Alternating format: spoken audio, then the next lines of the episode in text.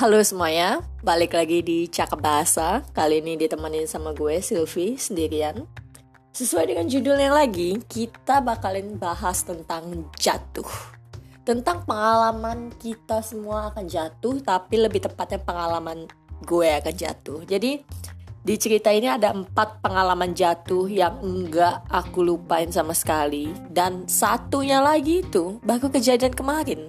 Dan itu masih sakit sampai sekarang saat lagi mau take foto sama teman, saat mau ikut lomba apa segala macem, bakalan aku ceritain di empat kejatuhan aku yang terjadi ini. Uh, jatuh yang pertama, semua orang pasti lah ya pernah jatuh, baik kalian masih bayi lah, baik kalian baru mulai jalan, naik sepeda, naik motor, atau bahkan ya jalan sama teman aja misalnya gitu tali sepatu lepas terus ya terjungkil gitu jatuh langsung. Kita semua pasti pernah jatuh. Tidak ada yang tidak pernah jatuh. Bahkan ada penelitian di Inggris uh, rumah sakit mereka itu banyak banget didatangi sama orang yang sehat dan mereka cuma jatuh doang gitu loh. Jadi di Inggris itu ada satu uh, peraturan memang uh, dan juga himbauan kepada masyarakatnya agar lebih berhati-hati lagi agar tidak jatuh.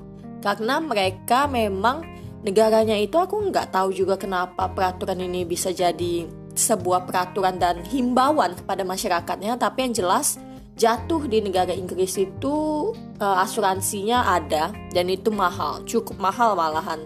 Dan itu something unique that we didn't really know how to figure it out, but I just find it and that is awesome and that is really weird actually.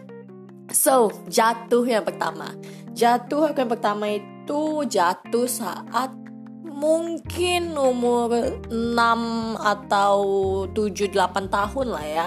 Itu masih kecil, benar-benar masih kecil baru masuk SD kelas 1 kelas 2 doang dan itu jatuh dari pohon kelapa. Waktu itu aku manjat sama temen aku cowok. Kita main-main bareng dan nggak tahu kenapa tiba-tiba aja jatuh. Melosor, jatuh ke bawah. Beh, itu muka tangan nggak apa-apa, tapi kaki yang kena, kaki yang kena apalagi di dengkul. Ini bekas sampai sekarang masih ada, sampai nggak ditumbuhi rambut lagi karena cuma pori-pori doang. Ini benar-benar sakit banget pada saat itu, apalagi waktu itu diobati pakai uh, obat Chinese yang minyak atau obat merah cap kapal atau segala macem itu pedih banget. Bahkan lukanya itu lama banget sembuhnya tapi berhubung itu masih SD jadi ya nggak gaya-gayaan kayak sekarang. Pakai celana panjang lah pakai inilah pakai itulah. It's still really okay for me and I I, I was really thankful for that moment gitu loh. Bahkan masih saat kecil gitu dan itu tidak meninggalkan trauma apa pun kepada aku Lanjut setelah itu jatuh ini jatuh yang paling parah menurut aku. Jatuh ini adalah jatuh uh, aku waktu mau ikut lomba, mau ikut lomba jadi atlet di PON.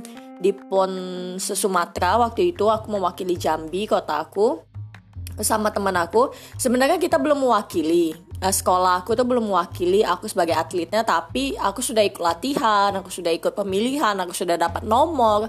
Aku juga sudah dapat ya sebagai mana atlet lagi pada saat itulah. Aku sudah mendapatkan semuanya tinggal di tes uji coba melawan semua provinsi di kota Jambi. Muara Bungo, Kerinci, Tebo atau bahkan Tanjab Timur, Tanjab Barat semuanya pada saat itu sudah mau dilatih, sudah mau dicoba seperti itu, sudah mau melawan, minggu depannya itu sudah mau melawan. Tiba-tiba pada saat latihan ini aku duduk sama teman aku berdua itu di samping deket selokan di sekolah negeri dulu. Kalau kalian di sekolah negeri kalian tahu lah ya sekolah negeri SD itu apalagi itu bebas banget.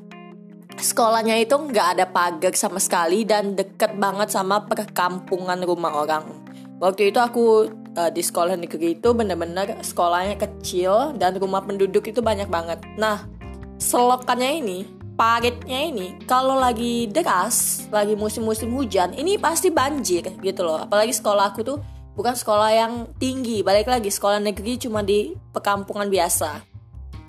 Lanjut setelah kita duduk bareng nongkrong bareng apa segala macam istirahat gitu loh. Bahkan coach aku juga ada di sana gitu dan teman-teman yang lain juga ada di sana.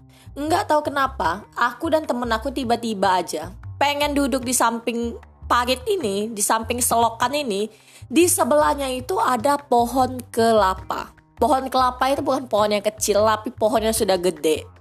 Dan buahnya itu ada, buah kelapa itu ada dan tidak ada memang rasa takut saat itu duduk di situ karena apa? Karena ya biasa saja gitu loh, nggak pernah ada kejadian di sekolah itu sebelumnya dan juga kelapanya itu ya kalau jatuh pasti jatuh ke bawah ke air itu dan ya sudah lewat saja itu bukan milik siapa pun gitu loh pada saat di situ.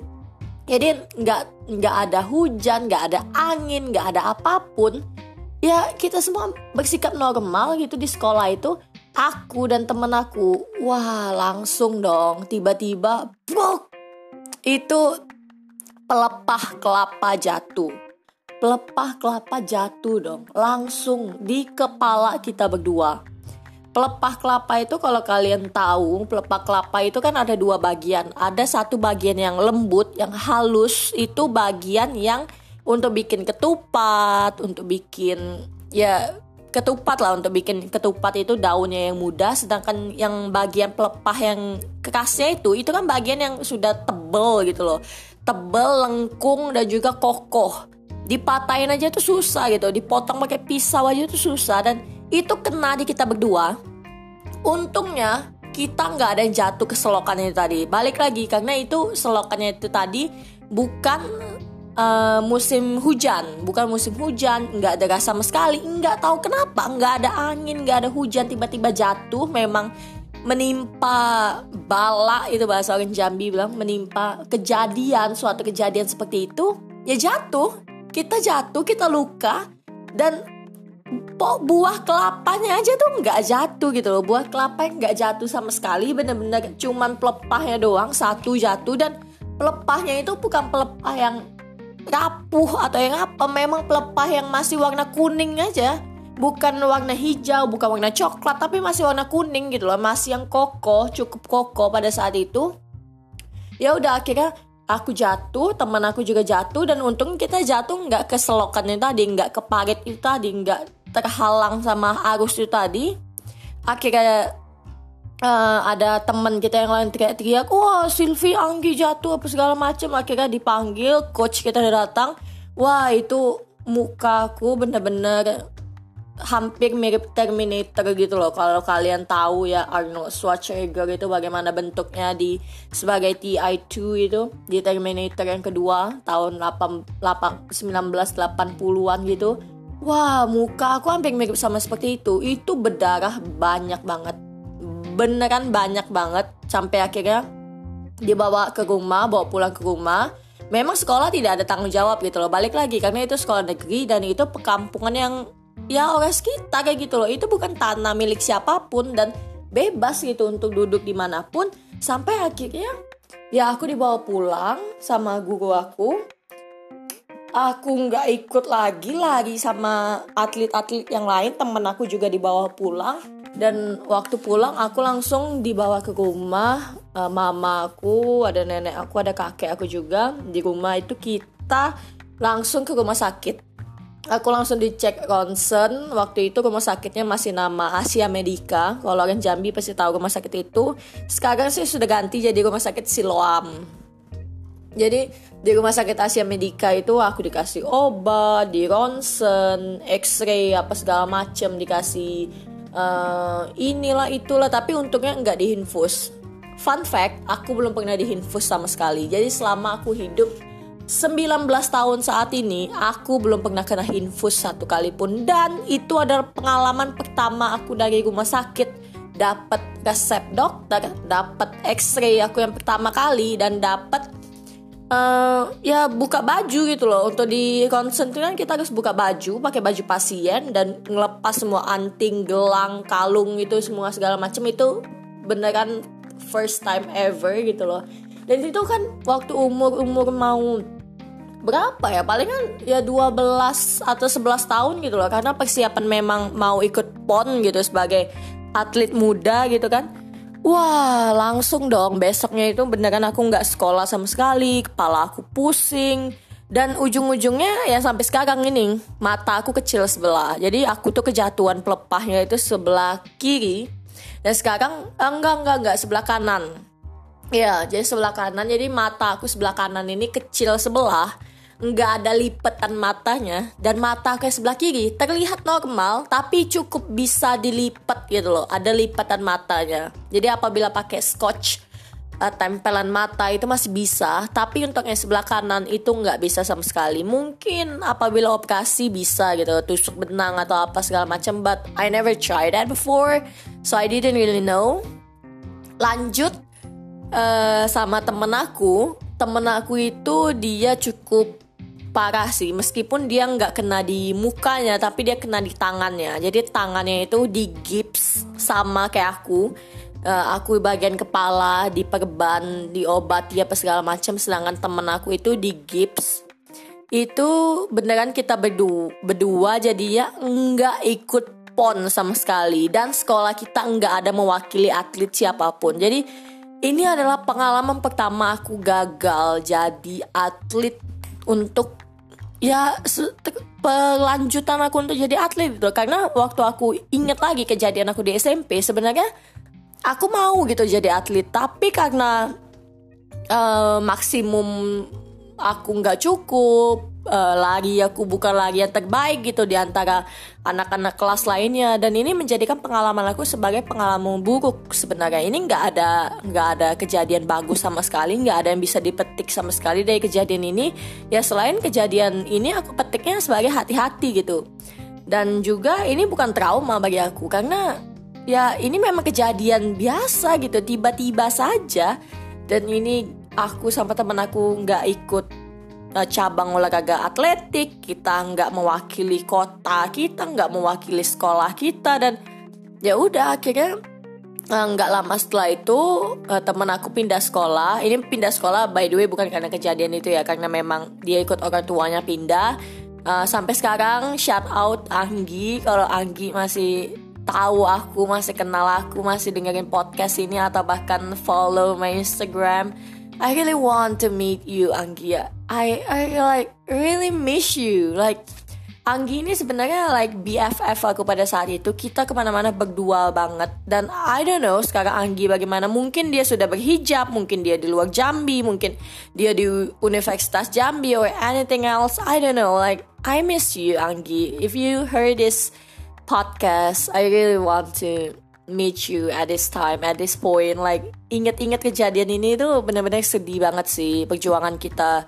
Bagaimana ingin ikut cabang atletik dan akhirnya harus berakhir di rumah sakit itu meskipun sampai sekarang ya untuk aku sendiri aku nggak apa-apa gitu. Cuma memang mata aku aja yang kecil sebelah tapi untuk dari otak aku nggak ke otak aku nggak apa segala macem. Dan thankfully untuk aku sampai uh, pada main basket juga sampai sekarang aku nggak pernah sih kejadian jatuh lagi untuk ikut olahraga lainnya. Aku nggak pernah lagi jatuh cuman ini kejadian jatuh entah kenapa.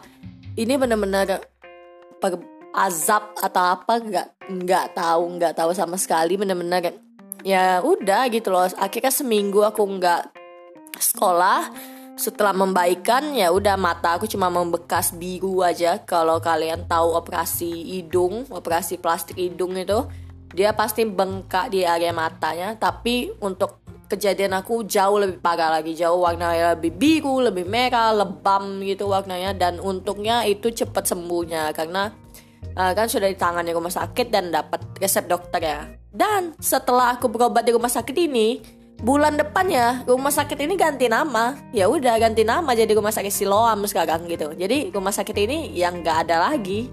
Nama aku sebagai daftar pasiennya pada saat itu.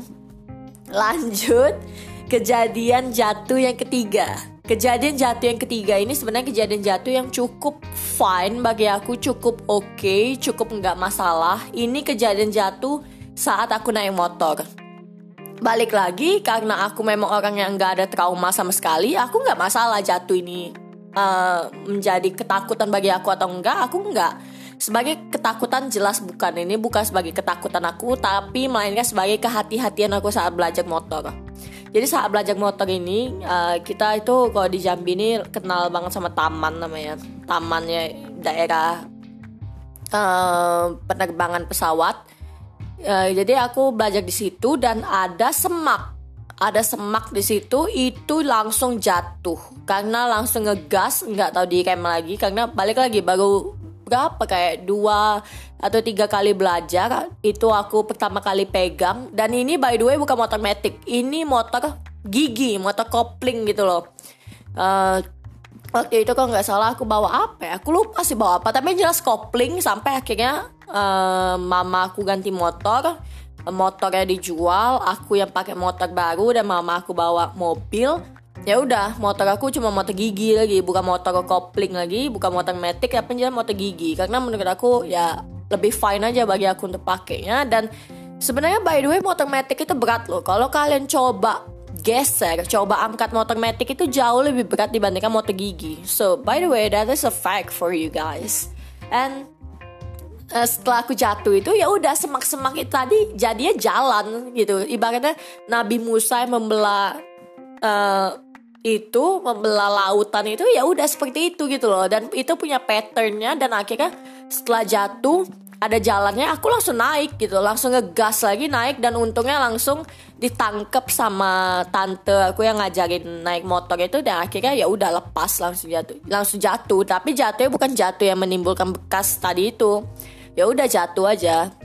Lanjut di jatuh yang sama jatuh motor juga ini waktu aku lagi kesel banget sama ada guru aku satu di sekolah SMK waktu itu kan aku SMK dan kita ini kalau di SMK ada namanya sistem magang prakerin praktek kerja industri. Di ada satu kantor uh, negeri di kota Jambi ini perwakilan BPK Badan Pemeriksa Keuangan Provinsi Jambi. Nah, di bapak ini, bapak dari pengawas aku dan pengawas teman-teman aku yang lain sudah dibilang bahwa mungkin kita bisanya minggu depan atau beberapa hari lain-lainnya atau segala macam karena saat kita bikin sebuah prakerin itu sebuah makalah prakerin itu kan harus lengkap ya dari absen dari kegiatan kita melakukan apa pun semuanya A to Z bagaimana kalau kalian um, KKN gitu bahasanya kalau anak kuliah. Ya hampir sama seperti itu. Kita bikin semua segala macam A to Z dari cover kata pengantar ucapan terima kasih bahkan sampai di halaman belakang profil apa segala macam. Dan jelas itu butuh tanda tangan butuh cap dari BPK-nya nggak um, tahu kenapa pada hari ini aku terli aku kesel banget karena memang uh, kesalahan dari kelompok kita banyak banget. Itu yang pertama, kesalahan banyak banget, ngulang ngeprint banyak banget, ngabisin tinta dan kertas itu sudah pasti. Tapi untungnya karena aku bukan yang bagian ngetik, jadi aku merasakan oke okay, ya udah aku nggak masalah buat ngeprint, buat nggak habis tinta, habis kertas nggak masalah pakai kertas itu kan punya dua sisi ya. Kalau kalian sudah pakai sisi yang depan, sisi yang belakangnya itu bisa dipakai. Nah ke kebetulan. Kebetulan guru aku nih nggak masalah. Dengan sisi belakang dipakai ya udahlah nggak apa-apa. Tapi yang jelas kalau kalian kuliah sudah jelas itu pasti nggak bisa gitu loh. Tapi karena kita masih SMK masih belajar ya nggak masalah gitu. We're a teenage. We do make mistakes. A lot of them. Jadi pada saat sudah mau on the way gitu loh saat sudah mau jalan ke BPK-nya buat minta cap tanda tangan dan kebetulan ini sudah siang. Jadi ibaratnya karena kita tahu oh siang ini pasti orangnya sedikit nih di kantor karena apabila sudah lewat jam makan siang banyak dari pegawai itu pasti mereka sudah uh, sudah selesai sama pekerjaannya dan sudah selesai mereka pulang mereka atau mereka pergi nanti jam 4 baru mereka datang buat check in lagi buat check out gitu loh cap sidik jarinya ya udah selesai gitu kerjaan mereka. Nah jam 2 kita on the way ke sana antara jam 1 atau jam 2 aku harus cepet dong karena jam 4 sam jam 4 atau kisaran jam 5 itu aku sudah mulai les. Aku mau ikut bimbel aku harus cepat aku bilang ke temen aku oke okay, fine kita cepat cepat cepat cepat cepat. Pergi akhirnya berenam kita bawa tiga motor. Nggak tahu kenapa tiba-tiba aja waktu aku mau belok kanan mau nyelip dari searah kanan kan sebelah saat kita jalan sebelah kiri sebelah kanan ini kan kosong kan. Aku mau nyelip dari mobil ini mau lewat dikit oke oke sudah sudah sudah. Tiba-tiba tiba-tiba waktu aku sudah balik lagi ke jalur aku sebelah kiri ada mamang. Mamang es tebu. Tukang es tebu. Nggak tahu dari mana. Nggak tahu dari mana itu dia datang dari mana. Temen aku yang di depan aja tuh nggak kelihatan sama dia. Dan tiba-tiba itu datang dari arah aku. Buk! Aku tumbuk dia. Motor aku jatuh. Aku jatuh. Jatuhnya ke sebelah kanan jatuh ke sebelah kanan temen aku yang aku gonceng juga jatuh. Untungnya dia nggak apa-apa. Aku juga nggak apa-apa gitu loh. Pada saat jatuh itu aku merasakan ya ampun ini motor berat banget itu. Padahal sebenarnya enggak sebenarnya aku bisa bangun dari itu. Aku tinggal angkat kaki aku sebelah kiri dan ya udah selesai gitu loh. Problem solve gitu. Paling aku minta maaf ke abangnya dan bahkan nggak tahu gitu loh. Temen aku aja tuh nggak tahu kalau ada tukang es tebu lewat gitu kenapa bisa tiba-tiba waktu aku uh, jalan di jalur aku itu jalur sebelah kiri kok ada tukang es tebu lewat gitu. Dan dia nggak bawa gerobak ya kalau nggak salah. Dia nggak bawa gerobak ya. Dia cuman berdiri sendiri aja di tengah itu. Dia pegang gelasnya dan gelasnya aja tuh nggak pecah gitu loh. Berarti memang mungkin karena aku kaget terus aku kerem dan juga karena tekanan emosi dengan guru aku pada saat itu mungkin karena bilang bu ini nggak bisa nggak bisa bu nggak bisa. Kita sudah bilang nggak bisa tapi ibunya tetap harus bisa harus bisa harus bisa. Ini tanda tangan sekarang besok harus sudah disahkan. Ya udah keadaan di situ sudah sangat runyam pikiran aku dan tiba-tiba aja numbur. Dan akhirnya ada satu bengkel di situ om itu nolongin ya udah hati-hati tegak tegak tegak berdiri berdiri. Akhirnya aku nangis nggak tahu kenapa bisa tiba-tiba nangis. Teman aku di di belakang aku itu pun alah nggak apa-apa kok Silvi nggak apa-apa ini nggak apa memang sebenarnya nggak apa-apa mungkin karena balik lagi akunya panik akunya semua segala macam akhirnya jatuh. Wah itu benar-benar suatu kejadian yang buruk sih menurut aku. Jadi uh, sampai saat ini sih aku belum mau lagi buat bawa motor apabila dalam keadaan yang buruk gitu. Kalau bisa memang jangan. Akhirnya setelah aku di berdiri uh, dibantu sama om-om tuh bahkan untungnya ya seingat aku ini aduh makasih banget deh buat kalian yang ngeliat itu di pinggir jalan. Nggak ada yang klakson sama sekali.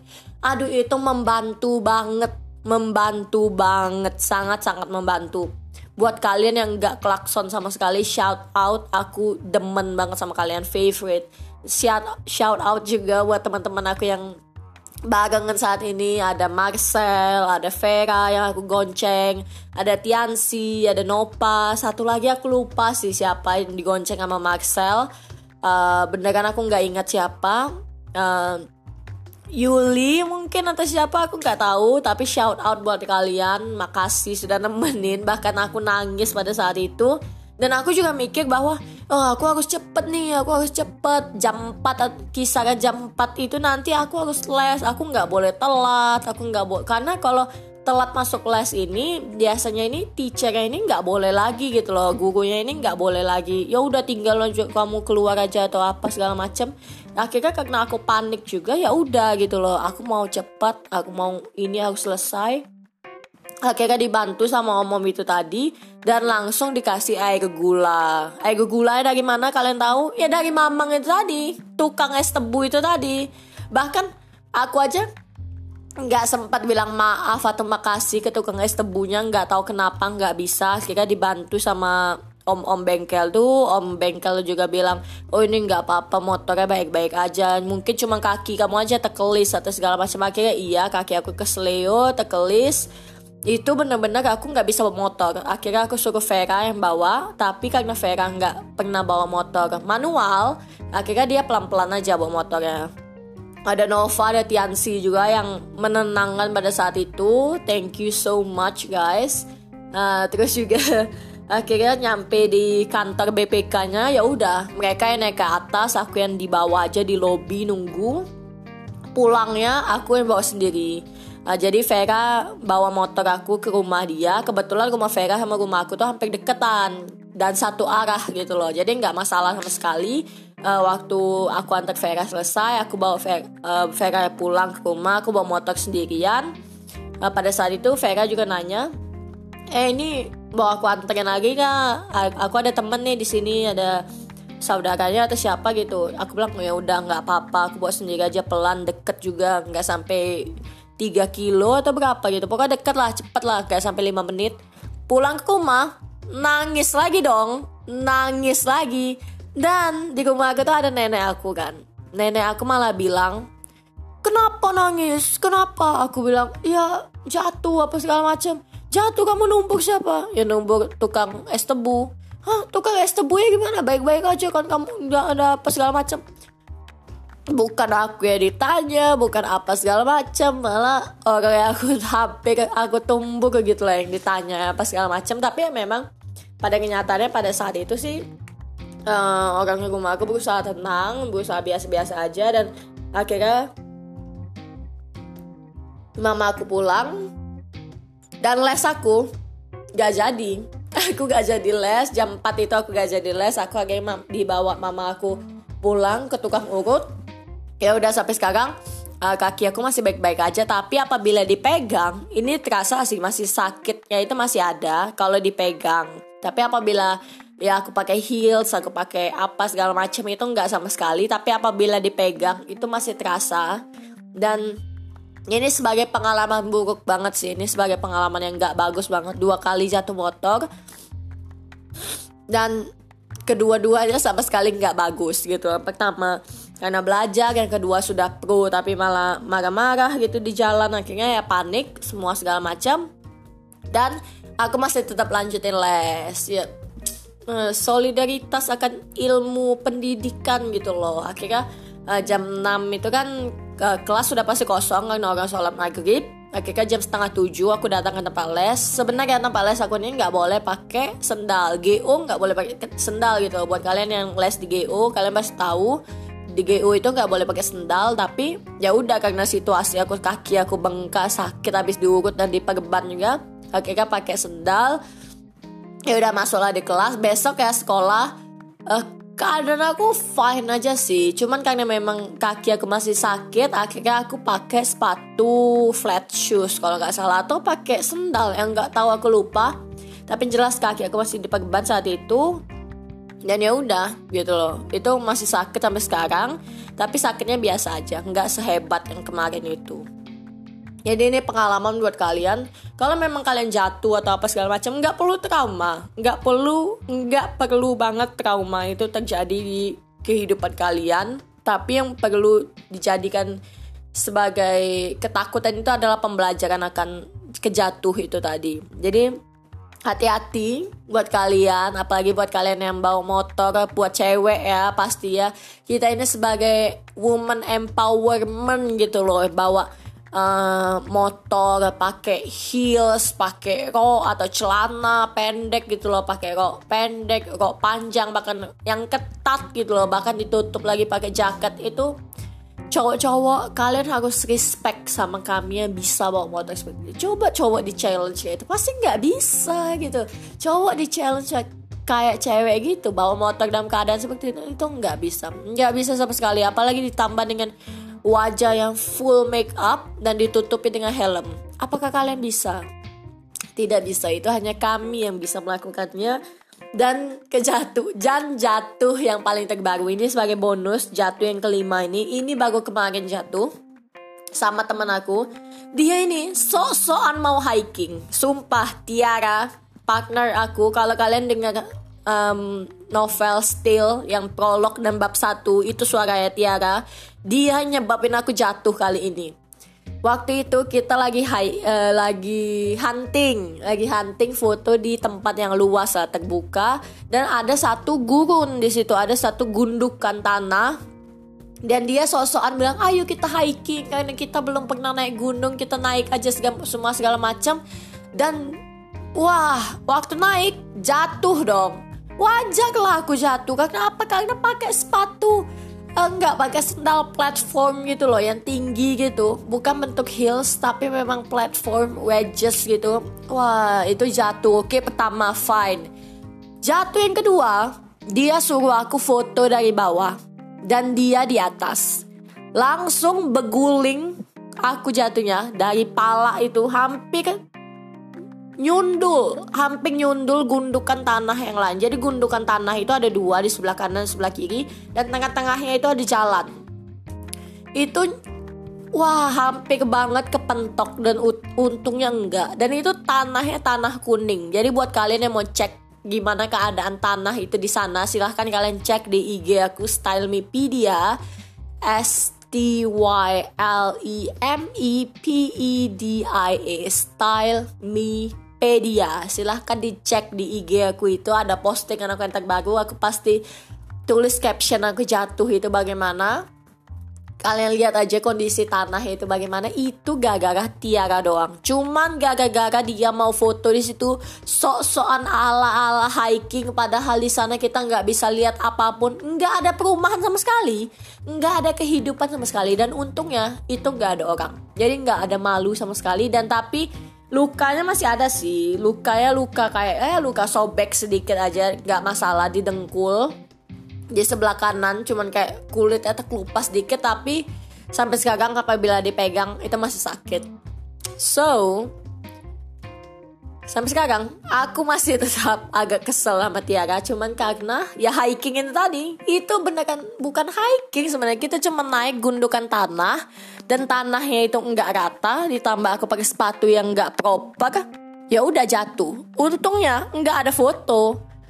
Itu aku nggak tahu ini bilang untung atau rugi nggak ada foto nggak ada foto yang approve aku jatuh ya bagaimana tapi yang jelas untung banget aku nggak jatuh sangat sangat terima kasih buat Tiara ya. Dan ya kalau kalian pernah kejatuh juga jatuh apa yang paling memorable buat kalian? Ataukah jatuh seperti aku sampai gagal jadi atlet terus menimbulkan luka seperti Terminator atau bahkan kalian jatuh dari motor atau jatuh waktu buka pintu mobil atau jatuh bahkan saat kalian lagi bawa motor eh ketumbur pin orang yang buka pintu mobil gitu loh dan untungnya itu aku nggak pernah kejadian itu tapi hati-hati buat kalian di sana ya apalagi bawa bawa motor. Uh, kita sebagai pengendara roda dua klakson itu penting banget apalagi buat mereka yang bawa roda empat itu harus hati-hati banget. Dan jatuh apa yang paling memorable buat kalian? I don't know I don't know. But for me this is not memorable at all. Tapi ini patut diacungi jempol sih buat kehidupan aku apalagi jatuh itu kan sebagai habit gitu loh dari kehidupan kita bahkan dari saat kita bangun tidur aja kalau gak hati-hati jatuh gitu loh dari ranjang So, thanks to you for all. Ini episode paling panjang untuk pertama kalinya di Cakap Bahasa. 32 menit, bahkan hampir 33 menit. Thank you so much for listening for this and see you in next video. And yeah, see you next fits. I don't know. Yeah, fits probably or see you next audio. Bye.